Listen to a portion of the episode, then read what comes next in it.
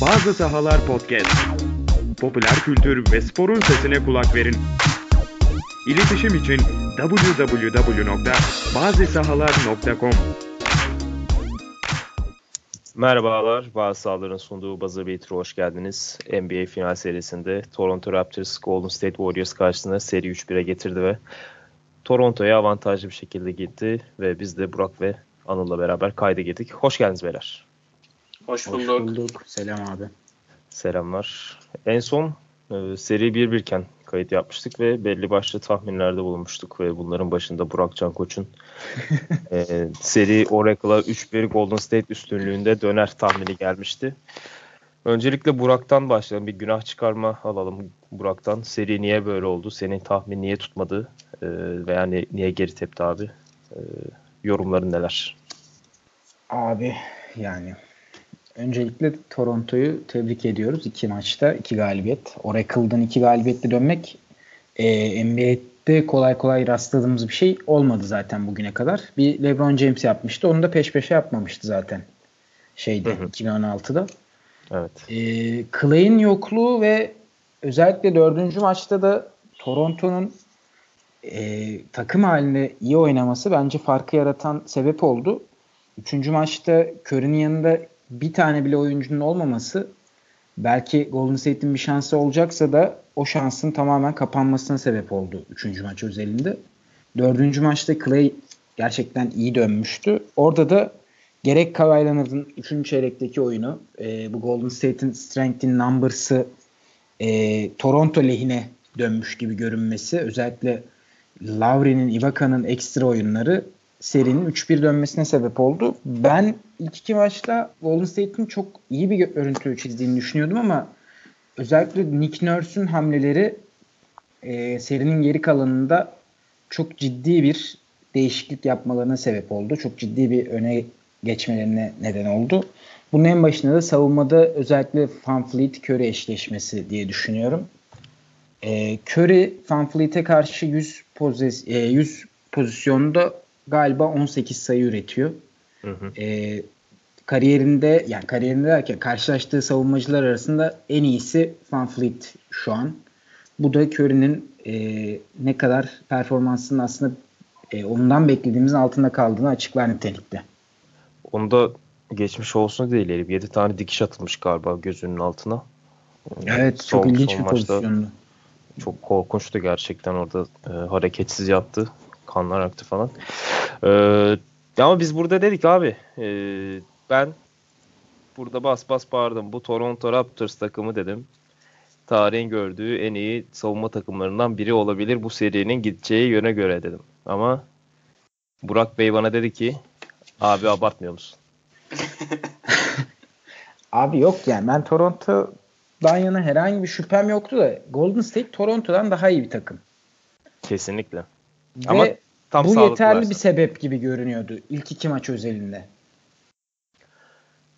Ya aynen Ama- öyle. Bir Son maçta da zaten savunma artık son maçı nasıl değerlendirecek? Çünkü Golden State'i 92 sayı at- atarken çok fazla görmüyoruz.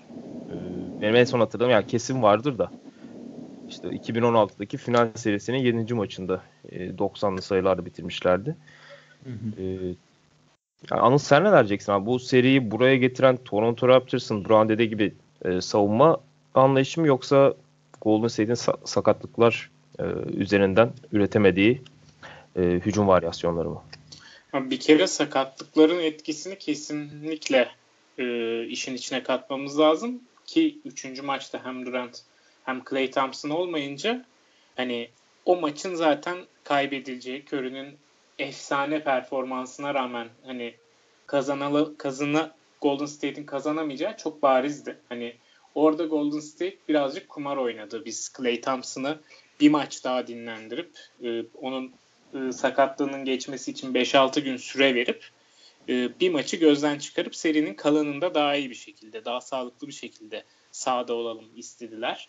Muhtemelen Durant'in dönmesini de bekliyorlardı. Çünkü e, üçüncü maçta değil de dördüncü maçtan önce Kör'ün ya- yaptığı açıklamalar hani ben biraz daha optimistik kalmışım bu konuda. Ben yanlış anlamışım gelen raporları. Durant'in dönebileceğini düşünüyorduk dördüncü maçta şeklindeydi. Belli ki onlar Clay'i 3. maçta oynatmayıp 4. maçta hem Clay'i hem Durant'i e, geri kazanıp serinin kalanında son 4 maçta gaza basmayı, oradan 3 galibiyet çıkarmayı planladılar ama evdeki hesap çarşıya uymadı. 3. maçın çok analizini yapmaya gerek yok da e, 4. maç gerçekten e, Nick Nurse'un yaptığı hamlelerin e, hepsinin neredeyse tuttuğu ve çok iyi bir karşılık bulduğu bir maç olarak geçti. Hem savunmada e, hafif sakat olan Clay Thompson'ı hem Curry'i yani 1.28-1.27 sayı attı ama bence tutabilecekleri en iyi şekilde tuttular. E, hem de e, hücumda özellikle ikinci yarı yaptıkları bir değişiklik var. Van Vliet'le başlıyorlar Danny Green yerine. E, ikinci yarıda maçın ikinci yarısında gaza basıp e, hem Kawhi Leonard'ın hem de takımın 3. çeyrek başındaki ve tamamındaki özellikle performansıyla e, maçı koparıp almasını bildiler. E, ve 3-1 ile gidiyoruz yani hani kimsenin beklemediği bir sonuçla gidiliyor Toronto'ya ve ben biraz şeye benzetiyorum ya bu seriyi. E, belki hani Spurs güçlü olmamın da verdiği o etkiyle bu Spurs'un 2014 şampiyonluğundaki ruh haline benzetiyorum şeyi Toronto'nun ruh halini şu an. Hmm. Ee, hem Golden State için şey konuşuluyor. Ee, LeBron'un 2016'da yaptığı geri dönüş vari bir geri dönüş yapabilirler mi konuşuluyor. Golden State cephesi kendi açısından bunu çok dillendirmeyi sevmediği için onlar Oklahoma City'ye karşı yapılan geri dönüşten bahsediyorlar. Onlar da Kevin Durant'in Oklahoma'daki son maçında 3-1 ilk bir seriden dönüp NBA finaline çıkıp şampiyon olmuşlardı. Yok pardon yenilmişlerdi şeye Cleveland'da. Ondan bahsediyorlar ama ben daha çok durumu e, 2014 Spurs Miami serisine bağlıyorum. Miami artık takım dağılmak üzere. LeBron'un Cleveland'a geri dönüleceği falan konuşuluyordu yine Durant gibi. E, karşı tarafta da intikam isteyen bir Spurs vardı. Bu sefer karşı tarafta da intikam isteyen bir Toronto var ama Toronto intikamı NBA'den istiyor bunca yıldır. e, playofflarda paspas olmalarının intikamını istiyor Toronto. Hem şehir olarak istiyorlar hem de orada Kyle Lowry gibi ya da Siakam gibi bu işin içinde bulunmuş oyuncular istiyor. Yani Mark Gasol, e, Kawhi Leonard, Danny Green gibi önemli oyuncular yoktu Toronto'nun geçmişinde ama hem de Kawhi Leonard da muhtemelen o 2017'nin intikamını biraz istiyor ya Golden State'ten. Öyle bir durum seziyorum ben bu serinin genel psikolojik havasında. Ya aynen öyle. Hmm. Yani Kawhi Leonard'ın e, Burak Kıyana girmeden önce demişti. Bu three-peat Slayer mı demiştin Burak? Evet abi. Yani three-peat yapan takımları bir anda e, hadi oradan deyip işinize bakın deyip evlerine gönderiyor. Aynen.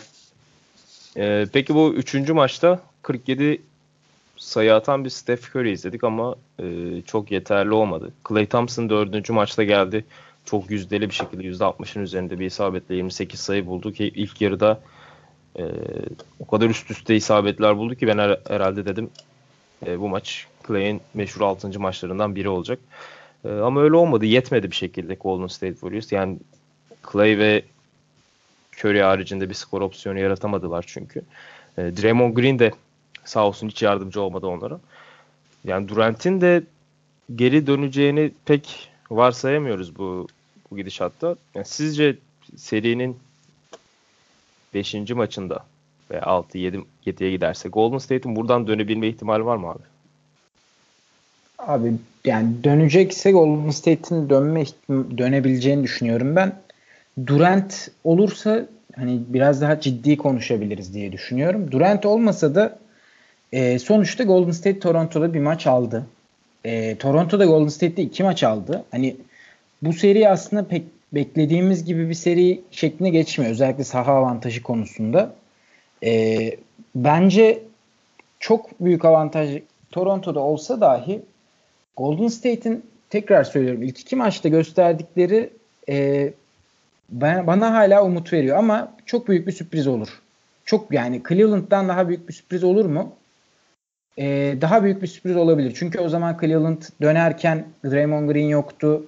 Ee, LeBron ve Kyrie gibi hani e, şeye Golden State'e çok ters gelebilecek birebir de tamamen dağıtabilecek oyuncuları vardı. Ha, Golden State'in de var ama mesela Curry'i çok iyi savunan bir Van Fleet görüyoruz. Durant'in nasıl döneceği belli değil.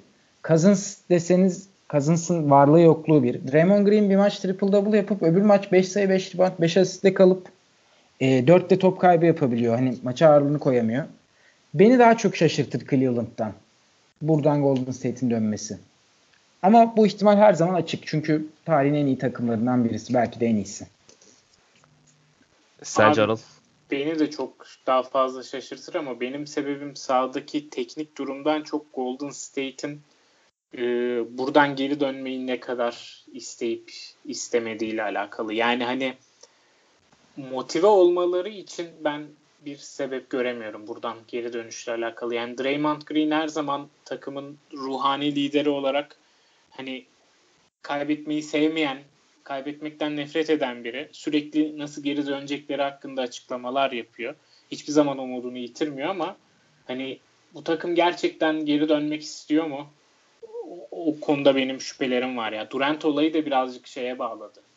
Ee, yine basının olaya dahili bunun öyle bir komplo teorisine dönüşmesinde önemli ama hani Durant dönecek mi, dönmek istemiyor mu, son maçını mı oynadı Golden State'le, niye dönmedi hala, fedakarlık yapıyor mu, yapmıyor mu diye tartışmalar. Hani dönmek için bence bir şeyleri yok, motivasyonları yok burada Golden State'in. Ee, hem Golden State'in yok bir de şey de e, Kevin Durant'in de maçlara dönme gibi bir motivasyonu şu, şu an yok gibi geliyor bana. Ee, sakatlığı çok ciddi büyük ihtimalle ama e, sakatlığı her ne kadar oynayabilir seviyede olsa da bence Kevin Durant bu saatten sonra maça çıkıp kendisini riske atacağını düşünmüyorum. Çünkü şu an her şey Kevin Durant için çok mükemmel ilerliyor. Abi bir de şey var Kevin Durant döndü diyelim bu maç. Beşinci maç Hı-hı. ve kaybettiler. Hani Kevin Durant legasisini bugüne kadar gördüğümüz Kevin Durant profilinde önemseyen bir oyuncu. Hı-hı. Ve hani şu an Kevin Durant sahaya dönerse Kevin Durant'ten beklenen şey bu seriyi çevirmesi. Hani bu seriyi çeviremediği herhangi bir alternatif ya da en azından 7. maça götüremediği herhangi bir alternatif Golden State'in ee, hem özellikle Kevin Durant üstünde çok kötü duracaktır. Yani bütün Warriors üstünde kötü duracak ama Kevin Durant'e kesilecek gibi bir ihale. Bir de takımdan ayrılırsa. Ee, ya kesinlikle bir de şey yani Kevin Durant çok psikolojik zorluklar yaşadı bu süreçte. Ee, ya şu anda bu işleyen süreç e, son bir ayda e, sakatlık süreci Kevin Durant'in adını temize çıkarması için mükemmel bir e, süreç oldu Kevin Durant e, adına. Ya çünkü bu adam e, iki senede bir şampiyon alabil bir şampiyonluk alabilmiş bir takıma geldi. Sonra o takımı iki sene üst üste şampiyon yaptı. Yenilmez bir takım haline getirdi. Ve şimdi o takım onsuz kaybetmeye mahkum gözüküyor.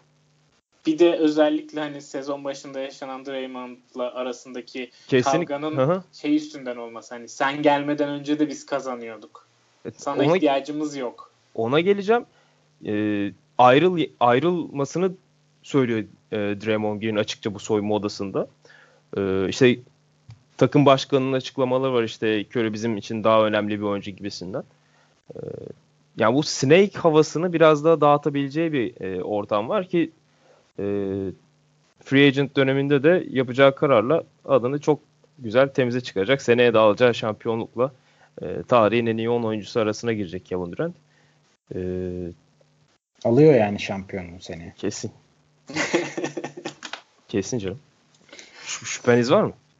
Yani şeyin oynamadığı bir noktada e, Durant'ın oynamayıp Golden State'in kaybettiği noktada Durant'in e, hiçbir suç üstüne kalmadan tıpış tıpış Golden State'in iki şampiyonluk, iki final MVP'siyle ayrıldığı bir senaryo göreceğiz. Bütün NBA'de mutlu olacak. Kimse Durant niye ayrıldı demeyecek. Kesinlikle. O zaman biraz e, oldu da Golden State şampiyon oldu.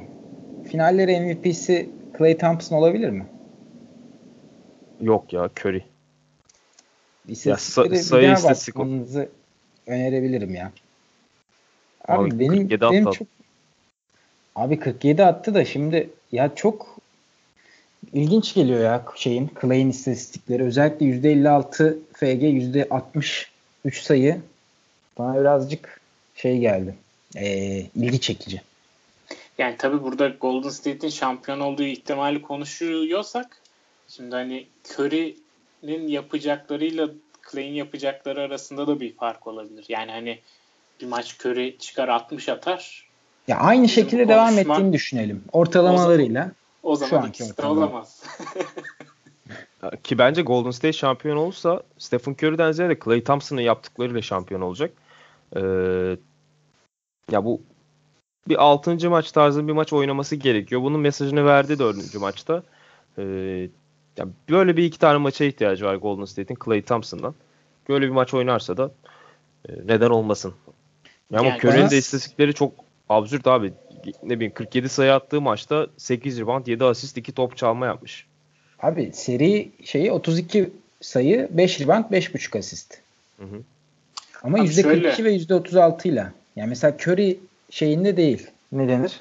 Curry standartlarının altında bir verim. O birazcık beni şaşırtıyor. Ama evet. NBA finalleri abi burası. Yani ya Curry biri... zaten finallerde biliyorsunuz problem yaşayabiliyor yani.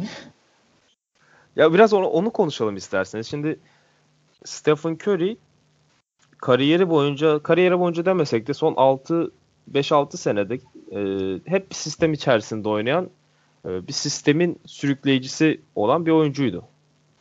E, bir James Harden, LeBron James tarzında bir role e, hiçbir zaman sahip olmadı takımında. E, belki de Curry'i ilk kez böyle bir rol dizdik. E, Toronto'nun serisinin 3. maçında. Ya sizce Stephen Curry James Harden tarzı bir rolde takımını sürükleyip şampiyonluğu oynatabilir mi? Oynatabilir abi. Yanında e, Alfonso McKinney, Jonas Derepko vesaire olmadığı sürece oynatır.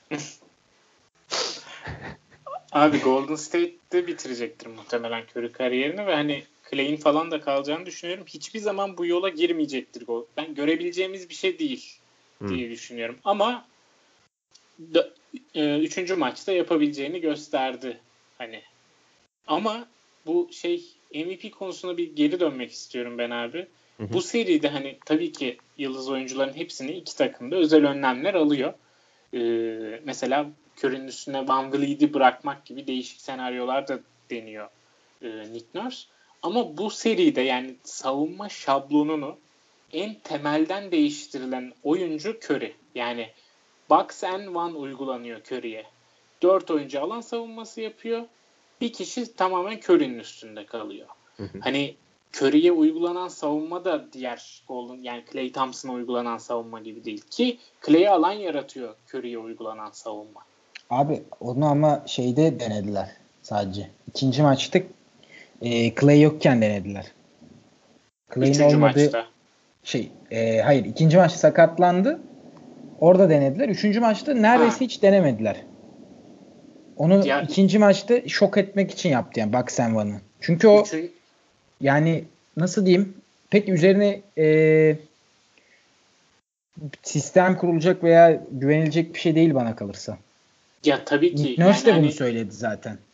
Şeyden abi sonra, maçtan hani sonra. NBA finalinde tutup bir anda savunma düzenini değiştiremezsin bir tane oyuncu için. Takımın alışkanlıklarını değiştiremezsin de hani bir oyuncuya yapı yani hani nasıl bunu nasıl anlatsam Curry sakatlansa mesela Clay Thompson üstünde böyle bir savunma stratejisi denenir miydi?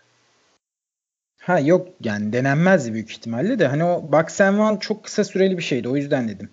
Ya Clay, Şokladı. yani Durant'te olmadığında hı hı. tamamen Clay'in aman pardon tamamen Curry'nin üstünden ilerlediği için Golden State hücumu ya da Golden State hücumunun garanti bir şekilde en önemli oyuncusu Curry olduğu için onun üstündeki savunma şeyiyle e, dikkatiyle diğer oyuncuların arasındaki de çok büyük farklar var. Kesinlikle. Şöyle yani yüzden bir... şey yapamıyorum. Curry'nin verimliliği düşmüş. Curry Clay %60'da üçlük atıyormuş. Hani bunun sebeplerinden biri Curry'nin üstündeki savunma. Şöyle bir anekdot vereyim. E, konuyla alakasız.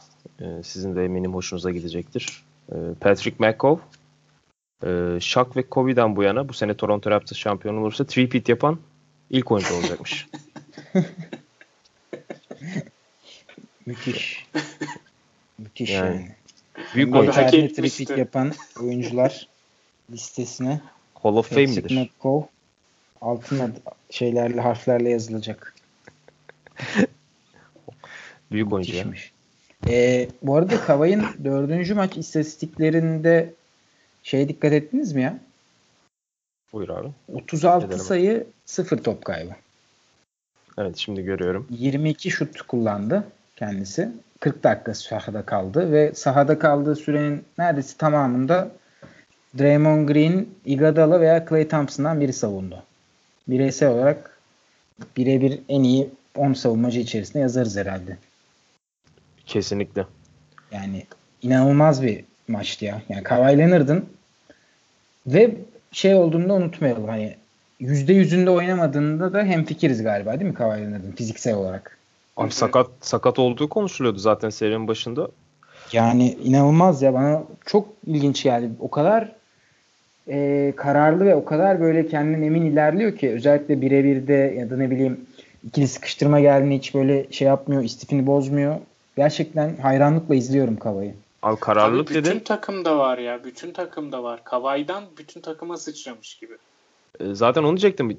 Üçüncü maçı, dördüncü maçın sonunda bu soyma odasına giderlerken ki yüz ifadeleri ya inanılmaz Aynen. kararlı yüz ifadeleri abi. Evet. Ya Ben 3-1'e oraya- getirmişsiniz. Bir iş yani it- iş bitmeden herhangi bir şekilde havaya girmiyorlar. Benim Gayet en ciddi. finallerde hani böyle bir şey olur ya finaller bittikten sonra böyle bir kısa filmi falan yapılır. Hı hı. Hani o, o en önemli sahnelerden biri ya. 3-1 öndesiniz ve bunun hani arka planında da şey var. Toronto Raptors'ınız siz. Hani farklı ülkeden gelen tek takımsınız bu NBA'ye. Son yıllarda playoff'taki başarısızlıklarınız yüzünden dalga konusu olmuşsunuz.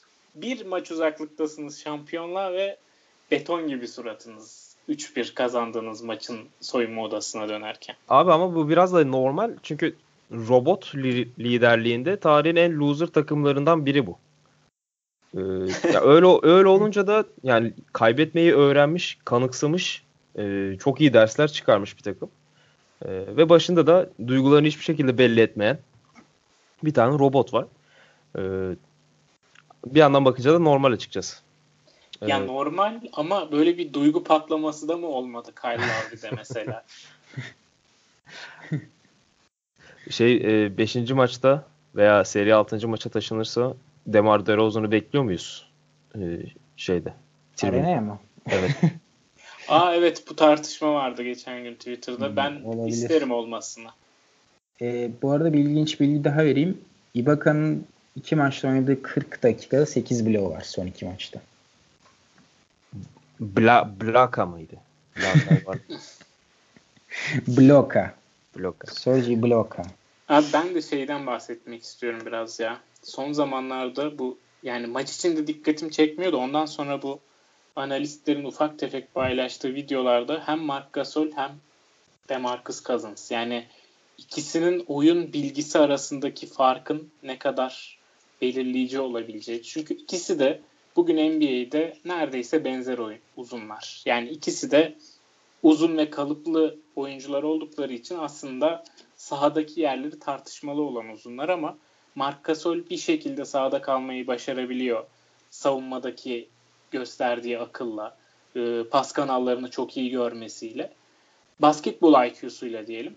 Ama DeMarcus Cousins da aynı şekilde inanılmaz zarar veriyor yani. Bu en son bugün sabah İnan Özdemir de paylaşmıştı. E, bundan önce işte takip ettiğim birkaç analistin e, yorumlarında da görüyordum Twitter'da. En kolay herhalde dinleyicilerimiz İnan'ın Twitter'ından ulaşır. İnan Özdemir'in Twitter'ından ulaşır. E, DeMarcus Cousins'ın zararı bence çok büyük bu seride Golden State'e. Aynen öyle şey. İlk baştan sonra zaten e, konuşmuştuk. E, ya herhalde bir daha süre almaz demiştik Cousins için. Ama ikinci maçta öyle bir oynadı ki ya takımın en iyi oyuncusu gibiydi adeta ikinci maçta. E, ma- kazandıkları maçta. Ama üçüncü ve dördüncü maça zaten bir başladı abi 5 dakikada 4 top kaybı mı? O tarz bir şey başladı. 1-0 geride başlıyorsunuz öyle olunca da. Yani işte bazen top sahada yani şey diyorlar ya ya Golden State'e.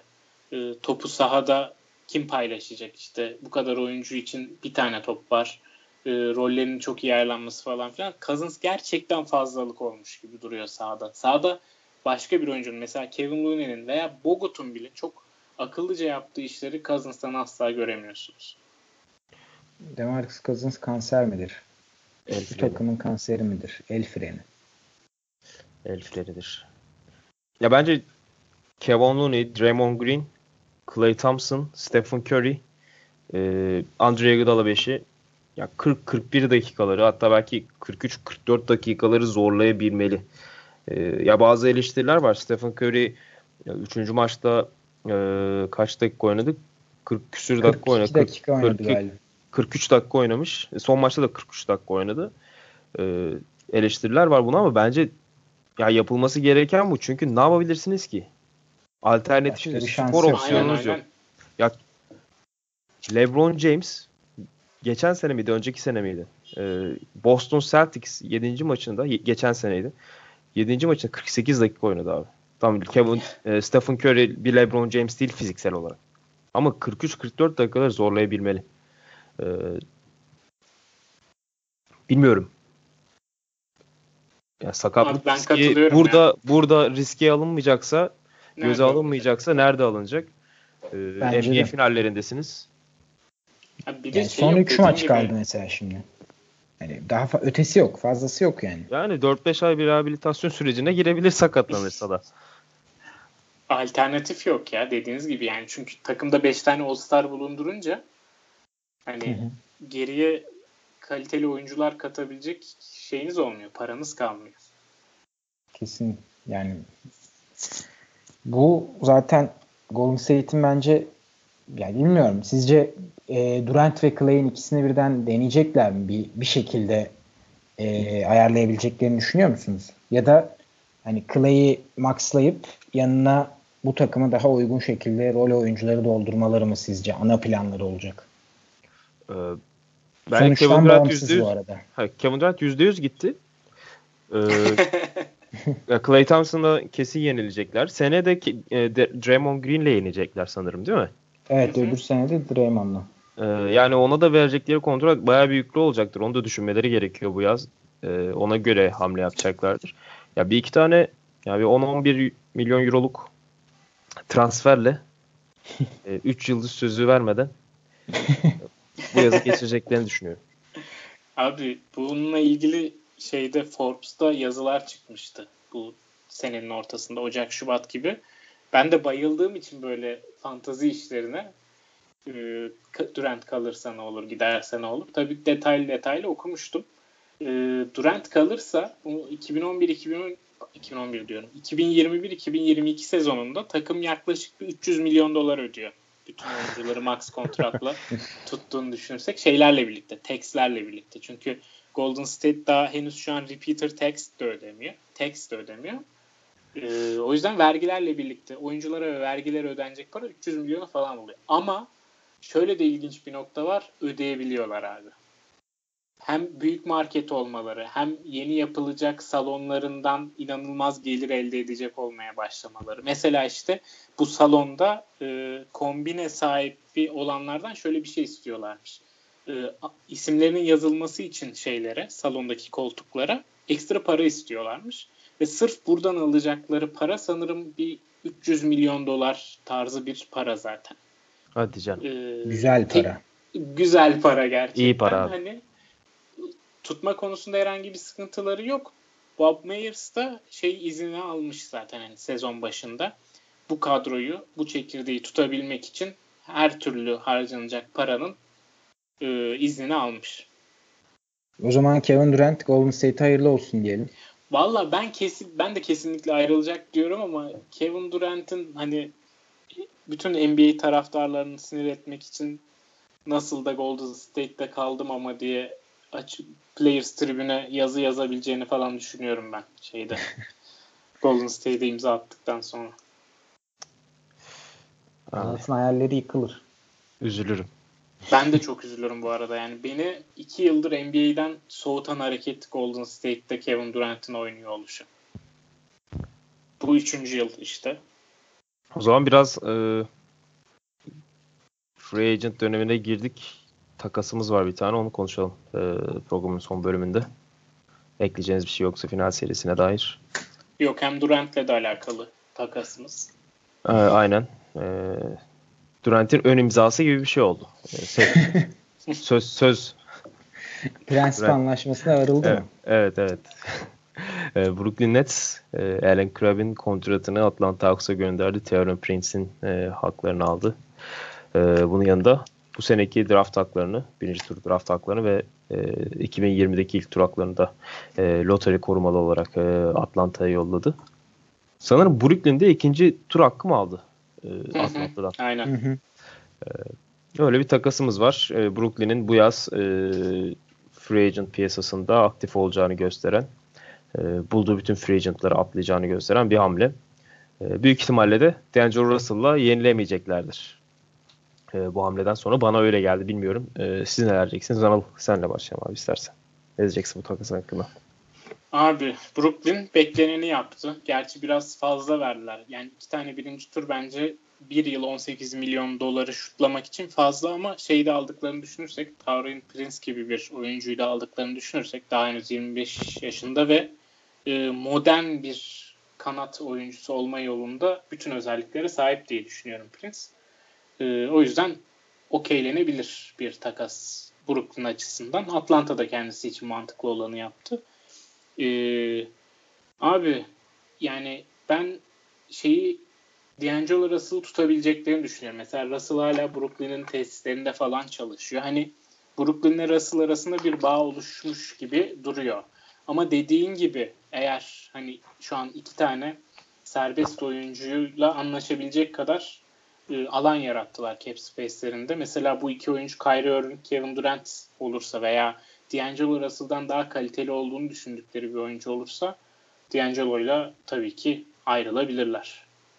Ya bir de D'Angelo'yla imzaladıklarında sanırım diğer bir süper yıldız alamıyorlar. Ee, bir evet. maksimum kontrat e, imzalatamıyor. O yüzden e, çok da değeceğini düşünmüyorum. Yani bu takası yapmadan da D'Angelo'yla e, bir süper max imzalayabilirlerdi. E, ama Kevin Durant ve Kyrie Irving ikilisi New York muhabbetinde de e, konuşmuştuk bunları e, sene ortasında. Bana çok böyle kağıt üstünde uyumlu bir ikili olarak gelmiyorlar. Bilmiyorum siz ne düşünüyorsunuz? Abi Kyrie'yi hemen ekleyeyim. E, Burak'a vereyim sözü. E, Kyrie'ye bayılıyor Brooklyn Nets. Özellikle front office. E, sebebi de şu. E, ben çok detayını bilmiyorum ama e, Brooklyn'in hücum ediş şekliyle Kyrie'nin hücum ediş şekli arasında böyle çok örtüşen durumlar varmış. Bu sebeple Kyrie'yi bayağı istiyorlar. Kyrie'nin de hani Brooklyn Kyrie'ye bunlardan bahsettikçe Kyrie'nin de e, isteğinin Brooklyn'e gitme isteğinin arttığı hani bunun Kyrie'yi çektiği ilk defa bir yerde istenen adam olabileceğini düşündüğü için Brooklyn'e gitmek istediği konuşuluyor Kyrie'nin. Burak sen ne vereceksin abi? Abi ben Atlanta tarafından biraz daha umutluyum. Çok takip edemiyorum bu e, free agent piyasasını. Daha çok hani final serisine bakıyorum. E, sadece Atlanta ile ilgili 6 tane pikleri var bu draftta ve onlar da galiba yani piklerle birlikte draftta sıra kapma yani daha yükseğe çıkma gibi bir planları var. Ya da e, öyle bir yol izlemeleri bence e, daha doğru olur. Çünkü 8, 10, 17 ilk turda 35, 41, 44 ikinci turdaki sıraları. Hani bunların 8, 10'a karşılık 4, 5 ya da 3 olursa 3 zor ama hani 4, 5 yapabilirler mi? diye düşünüyorum. Atlanta bence harika bir e, rebuilding hamlesi yaptı. Ve bunun artılarını iki sene en az iki senesi var yani bunun artılarını görmek için ki geçen sene özellikle geçen senenin son iki ayında All Star'dan sonra Trey Young'ın ve John Collins'ın saha içindeki uyumu bence Atlanta'ya çok fazla umut vaat etti.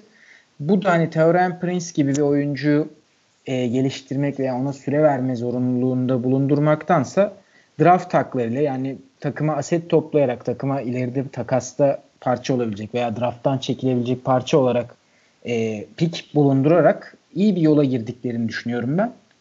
E, bence Atlanta için güzel, daha iyi bir takas oldu. Çünkü biraz daha hani kendi ellerinde şeyler, e, imkanlar, bundan sonraki hamleler. Brooklyn'e mesela Durant gelmek istemiyorum derse veya e, ikisi birlikte yani Kyrie olmadan Durant gelmek istemiyorum derse veya Durant olmadan Kyrie gelmek istemiyorum derse yani bu takası birazcık beklentilerin altında kalarak bitirmiş olacaklar diye düşünüyorum. O yüzden çok küçük farklı Atlanta'yı bu takasın kazananı olarak değerlendiriyorum ama iki takım açısından da amaçları doğrultusunda iyi bir takastı bu. Ee, bence de abi. Ya, ya Atlanta için şöyle ya Tauron Prince ne kadar Anın dediği gibi e, modern bir fo- e, kanat oyuncusu olsa da yani bence biraz tavanı sınırlı ve e, o iki sene önceki e, potansiyeline e, yaklaşabilecek gibi de durmuyor e, Tauron Prince. Çünkü ne çok çok iyi bir savunmacı, ne çok çok iyi vasat savunmacı. E, vasat bir şutör, vasat bir e, Ortalama bir NBA oyuncusu. ortalama ya. bir NBA oyuncusu. E, ona yatırım yapmak istemediler. Çok da normal. E, Brooklyn'de Eğer Brooklyn hani süperstarları doldurursa da onların yanında e, gerektiğinde şut atabilecek, gerektiğinde süperstarları mesela Durant'ın oyuncusunu savunabilecek de bir şeyi var Prince'in. Evet, yani evet. Süperstarların yanında değerli olabilecek bir parça bence. Ya- Yeniden yapılanan bir takımda değil de. Ya bir Demar Carroll etkisi yaratabilir belki Zaten yerde. tipleri de benziyor. Evet, Hani tipler de benziyor. koç der hani bir 24 dakika biriniz, 24 dakika biriniz. Zaten aynı şeyi yapıyorsunuz. Aynı tipsiniz siz. Carroll'ın kontrat bitiyor o yüzden de almış olabilirler. Evet evet. Carroll'ı salarlar. olabilir, olabilir, olabilir. Yani o zaman bundan sonra Kenneth Farid mi bir sonraki adım? Ee, Prince'in kontratı bitince de tipi benziyor diye Farid'i mi alacaklar? Farid'i yeni gönderdiler daha ya. Şey ya Atlanta GM'i sezon başı sezon başında diyorum. Bu drafttan önce şey diyordu. Kimse herhalde takıma 5 tane rookie katacağımızı düşünmüyor. Hani takımın gelişimi için de aslında bu sıkıntılı bir durum diyordu. Buran dediği gibi muhtemelen yukarılara oynamayı hedefliyorlar. Umarım DeAndre Hunter'ı alabilirler ya. Benim onlar için istediğim e, en önemli oyuncu o DeAndre Hunter. Avcı. Draftta hiç yani Zion Williamson dışında pek bilmiyorum draftta o yüzden hiç yorum yapamayacağım. Abi zaten çok da bir şey yok. henüz zaman bulamadım drafta bakacağım. Zion dışında. Ekleyeceğiniz bir şey yoksa kapatalım yavaştan. Ee, bugünlük bu kadar diyelim. Haftaya e, seri bitince tekrar görüşmek üzere. Hoşçakalın. Toronto Hoşçakalın. Raptors'ın şampiyonluğunu kutlarım. Hoşçakalın.